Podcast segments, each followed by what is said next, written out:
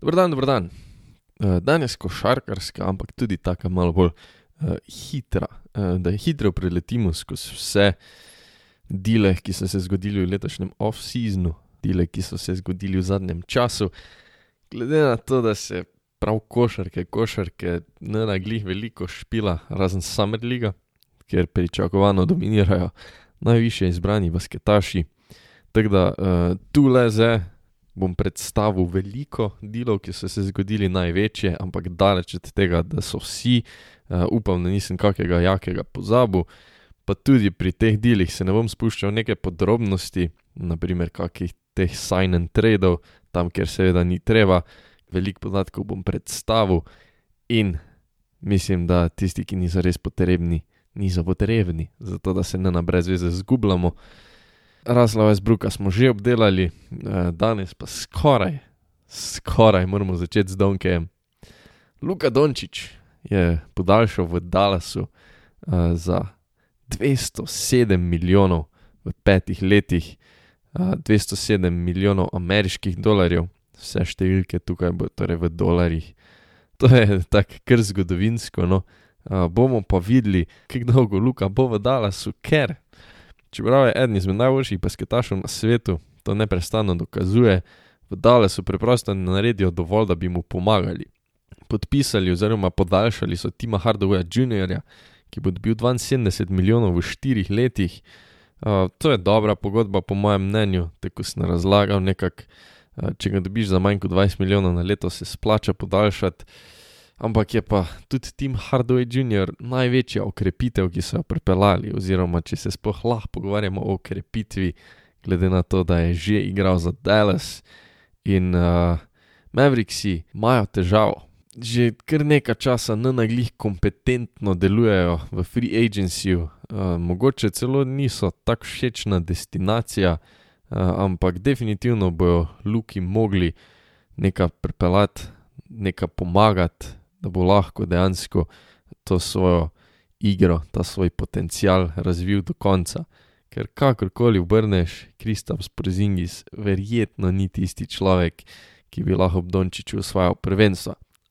Kot sem že povedal, upam, da se motim.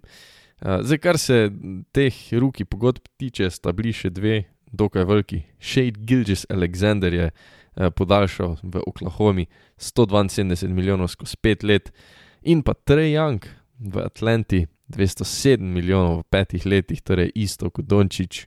Uh, tu, če se ne motim, so ti supermax extensioni, zaradi tega, ker sta že bila izbrana v All-Star ekipo. No, pa pa pridemo do enih takih, uh, če so to zelo veseli deli, ki sem jih zdaj omenjal, pridemo do takih malo žalostnih. Denis Šreder je v lanskem poletju zavrnil pogodbo 84 milijonov v 4 letih v Lakersih, zaradi tega, ker je hotel vsaj 100 milijonov v 4 letih. Mislil je, da bo dobil več, da bo v letošnji sezoni dokazal, kak je jak, da si tako pogodbo tudi zasluži. No, Denisu Šrederju se ni vse išlo po pričakovanjih. Podpisal je letno pogodbo za 5,9 milijona v Bostonu. Avč, torej kar velik downgrade.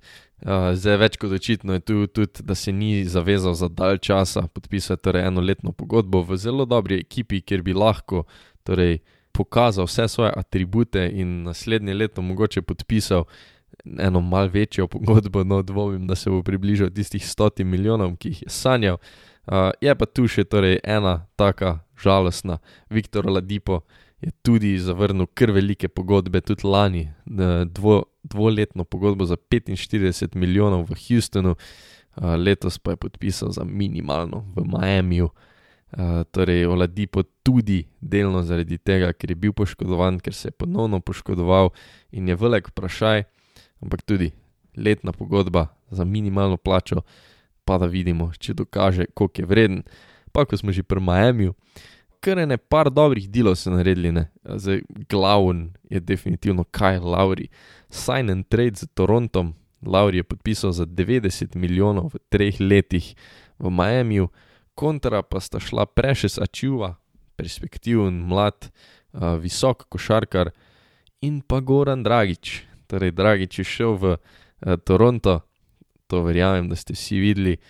Tudi je pa imel en velik kiks, ko je v medijih, torej za 14 ur, rekel, da ima malo više ambicije kot Toronto, kar definitivno ni šlo dobro skozi v Združenih državah Amerike, pa predvsem seveda v Kanadi. Uh, in bomo videli, no, tako kot se je že nekako skozi govorilo, jaz dvomim, da bo Dragič dejansko igral za Toronto, znal bi biti uh, torej izplačan in pa podpisati za kako boljšo ekipo, mogoče tudi Dallas, veliko se o tem govori, in tak, neka taka romantična poteza, da bi gledali Dragiča in Dončiča skupaj igrati. Je pa tudi verjetno kar možno, da podpiše za kakega kontenderja um, in nekako napade še zadnjič, pred zadnjič kakorkoli dolgo bo še igral ta prstan. Uh, je pa Paul Miami podpisal tudi PJ-ja Tuckerja, zelo dobrega košarkarja, zelo koristnega košarkarja, ki je letos veliko pripomogel Milwaukeeju, da so osvojili prstan. Poleg tega pa so tudi podaljšali Jimmyja Butlerja, 184 milijonov v 4 letih. Torej, zgodba Jimmyja Butlerja uh, postaja vedno bolj sočna, vedno bolj taka seksi. Uh, ni pa Jimmy edini, ki je podaljšal v ekipi, kjer je do zdaj že bil, teh je kar nekaj, tudi kar nekaj velikih imen, uh, Kowaj Leonard, 176 milijonov v štirih letih pri Clippersih, uh, tudi Chris Paul je dobil zelo, zelo sočno pogodbo v Phoenixu. Podaljšal je za štiri leta in v teh štirih letih bo dobil 120 milijonov kar je izjemna, izjemna pogodba za 36 let starega košarkarja, ampak uh, v zadnjih dveh letih, predvsem, je res dokazal, da še je igralec uh, Al-Star kalibra, da še lahko veliko, veliko pripomore. In uh, dejstvo je, da so tu nekako plačali, uh, preplačali štiri leta, no, ampak plačali so za dve res dobri leti Krisa Pavla, ki verjamem, da jih še ima. Uh, potem tudi Kevin Durant je še podaljšal v Brooklynu 100. 98 milijonov v 4 letih, uh, potem Markus Smart v Bostonu 77 milijonov v 4 letih, Josh Hart 38 milijonov v 3 letih pri uh, New Orleans Pelicansih, uh, potem tudi Štefan, Steph Curry 215 milijonov v 4 letih. S tem je postal tudi prvi košarkar v zgodovini, ki je v svoji karieri podpisal dve 200 milijonski pogodbi uh, v Portland Trailblazers jih je Norman Powell dobil 90 milijonov v petih letih, in tudi Mike Conley se vrača v Utah. V treh letih bo zaslužil 72 milijonov, je pa tu še pa eno podaljšanje, John Collins. 125 milijonov v petih letih, torej 25 milijonov na leto, kar je kul, cool, um, veliko je zaslužil. Je pa to tisto, ko če ste pre, preposlušali že nekaj mojih podkastov, ste verjetno ugotovili, da sem Kolinca res, res želel v Dallasu, res upal, da bo šli ali na njega, da ga bojo provali podpisati, ker res verjamem, da bi lahko Dončiću predstavljal tega drugega košarkarja, ker res pašete skup. Nažalost, torej se to ni izšlo, kot sem že povedal. Dallas ponovno malo razočaral, no, ali pa ne moremo reči, da razočarali, definitivno pa niso ničke baš dosegli. Uh, Collins pa se vrača v Atlanto, uh, kjer je letos imel zelo dobro sezono, bil je zelo koristen, zelo pomemben za ta ran Atlante do finala vzhodne konference, kar je kar noro. Uh, in Jano, Collins in Trey Young očitno ostajata tisto uh, jedro, okoli katerega bojo zgrobali zgraditi Championship ekipo. No, pa prijemo do dveh ekip, ki sta pa verjetno nekako um, povzročile največje valove, poleg Miamija v tem free agencyju. Prva in verjetno, no bi si upal trditi, da nekako uh, največja ekipa, oziroma ekipa z največjim uh, free agencyjem, Chicago Bulls. Prepeljali so tri zelo, zelo pomembne košarkarje. No. Um, prvi, najmanjše ime, verjetno, je Alex Caruso ki bo v štirih letih zaslužil 37 milijonov, ampak je tako zelo koristen, ki bo eh, Chicago prav prišel, igralec sklopi, ki bo igral izvrstno obrambo, kar Chicago manjka. Še en tak, predvsej bolj pomemben, pa Lonzo Ball. Lonzo Ball je prišel za sign and trade, eh, v štirih letih bo zaslužil 85 milijonov, ni zdaj glih tista neka max, kakorkoli zaslužil, sicer še vedno več kot 20 milijonov na leto, ampak Lonzo je igralec, ki ga je Chicago potreboval, zelo dober obramben košarkar, uh, ki je več kot soliden playmaker, no, sploh v teh uh, hitrih akcijah, v tranziciji. Um, in tega je Chicago manjkalo, in se mi zdi, da bo kar dvignil nekakšen uh, floor ekipe. Poleg tega pa so z Sign and Trade z San Antonijo Spursi podpisali še Demarja DeRozana. V treh letih bo zaslužil 85 milijonov um, in so nekako tako pripeljali še eno zvezdo, sicer je DeRozan že malce zapadla zvezda, ampak še vedno so zelo zaokrožili ekipo, dobra ekipa, pripeljali več koristnih košarkarjev in na tem mestu bi rekel, da so mogoče uh, imeli poleg Miamija no, uh, najboljši free agency, jaz bi rekel, da najboljšega. No. Še en krvelik free agency pa imel tudi New York, New York Nixi. Uh, se mi zdi, da je spet tak, ne, Nixi so tako. Uh, večno znani po tem, da naredijo, ampak da ne naredijo tistega presežka. Uh, podpisali so Kembo Walkerja, že ali stari igralca, ki pač tudi v zadnjih letih se ni glih proslavil v Bostonu. Uh, podaljšali so Juliusa Rendla, to je kul, cool, glede na to, kaj vse jim je Rendl prinesel lani. Podaljšali so ga tako, da ima zdaj torej pogodbo še za pet let in bo dobil 140 milijonov, kar je kul, cool. podaljšali so tudi Derika Rosa tri leta 43 milijonov, in pa podpisali Evana Furnijeja uh, za 4 leta in 78 milijonov. Torej, dober free agency za New York, ampak uh, še vedno niso pripeljali tiste zvezde, ki bi jih mogoče nekako postavila uh, nazaj na mesto. All-time great franšize, ne glede na to, da so najbolj vredna franšiza, pa zad, vsaj zadnjih 20 let no, ne dosegajo spoštovanja vrednih rezultatov na košarkarskih igriščih. Uh, bilo je tudi kar nekaj takih nekih manjših delov, ki so precej pomembni, uh, naprimer Igi, Andrej Gadala se vrača v Golden State, uh, Carmelo Anthony bo končno zaigral z Lebronom Jamesom v Lakersih, uh, Lakers se vrača tudi Dwight Howard. Um, Dwight Howard je prišel v Lakers, torej iz Filadelfije, v Filadelfijo pa gre en drug center, Andrew Drummond. Uh, to so vsi taki mali deli, ampak uh, pomembni koščki sestavljanke. Um, malo večji je mogoče Spencer Dinwiddie z Sign and Tradeom v Washington, zaslužil bo 62 milijonov v treh letih.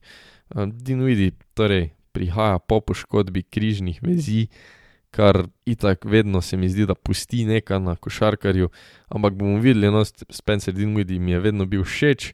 Um, Brooklyn je pa pa to luknjo Dinwiddija zafilal z Pedijem Milsom, ki je imel letos zelo, zelo všečno poletje. No.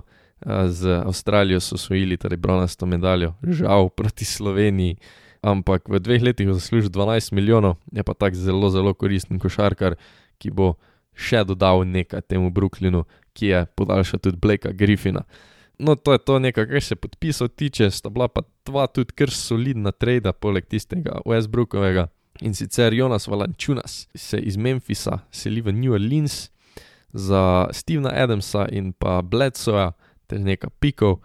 Um, in pač to je whatever trade se meni zdi no tega. Uh, New Orleans je probal nekako torej dobiti centra, ki bi lahko bolj igral ob Zionu, zaradi tega, ker Adams je res lahko sam v raketi, ker pač deluje Zion in uh, Valenčunas lahko skine tudi trice, lahko skine po razdaljo. Tako da nekako boljši fit je, ne morem pa reči, da, se, da so s tem ne vem, kaj naredili. Uh, ampak kot sem že omenil, torej Bledsoe je pol iz New Orleansa šel v Memphis in se na to iz Memphisa že preselil v LA Clippers, ekipo, kjer je začel svojo NBA kariero. Um, torej, Clippersi so Patricka Beverlyja, Ražona Ronda in Daniela Uturuja menjali v Memphis, dobili pa so Bledsoja. Uh, torej, Erik Bledsoe je dober playmaker, dober obrambni igralec, ki bi znal zafilati določene luknje v, v teh Clippersih, ampak tudi je že nekajkrat propadel v playoffih, kar nekako velja za Clippers, tako da bomo videli. Uh, ne morem reči, da so naredili nek baš del s tem, bomo pa videli. Definitivno so, po mojem mnenju, veliko naredili s tem, ko so Clippersi podaljšali Regija Jacksona. V dveh letih bo zaslužil 22 milijonov, v letošnji končnici pa se je pokazal za enega ključnih igralcev, uh, sploh potem, ko se je poškodoval Kowaj Leonard. Tak to je nekako meso dosedanjih podpisov prestopnega roka. Z ene par ekip se je kar izoblikovalo. No. Tako sem že nekajkrat zelo omenil, predvsem se mi zdi, da so ogromno naredili Bulsi. Pri njih je nekako največje ime DeRozan, ampak bi rekel, da sta bila Lonzo Ball pa Caruso skoraj boljša podpisa. Sta v bistvu točno to, kar so rabili, no, obrambno naravnana košarkarja na branilskih položajih, pa dobili so tudi dobrega playmakerja v bolu. Težko bi rekel, da jih to zdaj postavi v krog favoritov, ampak bi pa lahko prišli vsaj med top 4 na vzhodu, kar je tudi velik napredek, glede na to, da že niso bili v playoffih kar nekaj cajta. Bomo videli. To je to, nekaj, kar se košarkarskega dela tiče, imam pa še eno novico. In sicer, v tem trenutku, ko to poslušate, je že live tudi moja spletna stran podcastveto.com, uh, tam najdete itak podcaste, kar je nekako že v imenu. Poleg tega pa bom objavljal tudi pisne prispevke, pisne članke, uh, tako da mal bolj razširil polje vsebin, tudi za tiste, ki jim mogoče poslušanje podcastov ne sedi najbolj. Zdaj planiram nekako vsaj po en prispevek na teden, najverjetneje po petkih, zelo da jih bo včasih več, včasih manj, se ne na nekako zavezujem v ta urnik. Uh, se bom pa trudil, da bojo kar redni, tudi za tiste športne nadušence, ki radi kaj finega preberete glede na to, da si skoraj upam nekako trditi, da kvalitete, kar se športnega novinarstva v Sloveniji tiče, ker manjka. No, če se tu predpostavljamo, da bojo moji članki pa kvaliteta. Uh, največ bo po vsej verjetnosti basketa, to je nekako logično, ampak bojo pa tudi drugi športi, po mojem, kar velik mednarodnega futbola, ki mi je tudi blizu, uh, kak tenis, pa vse, kar je vmes. Uh, vesel bom torej, če si kaj od tistega preberete, če prečekirate, še enkrat torej podcastveto.com, podcast z C-jem, se čujemo in po novem tudi beremo.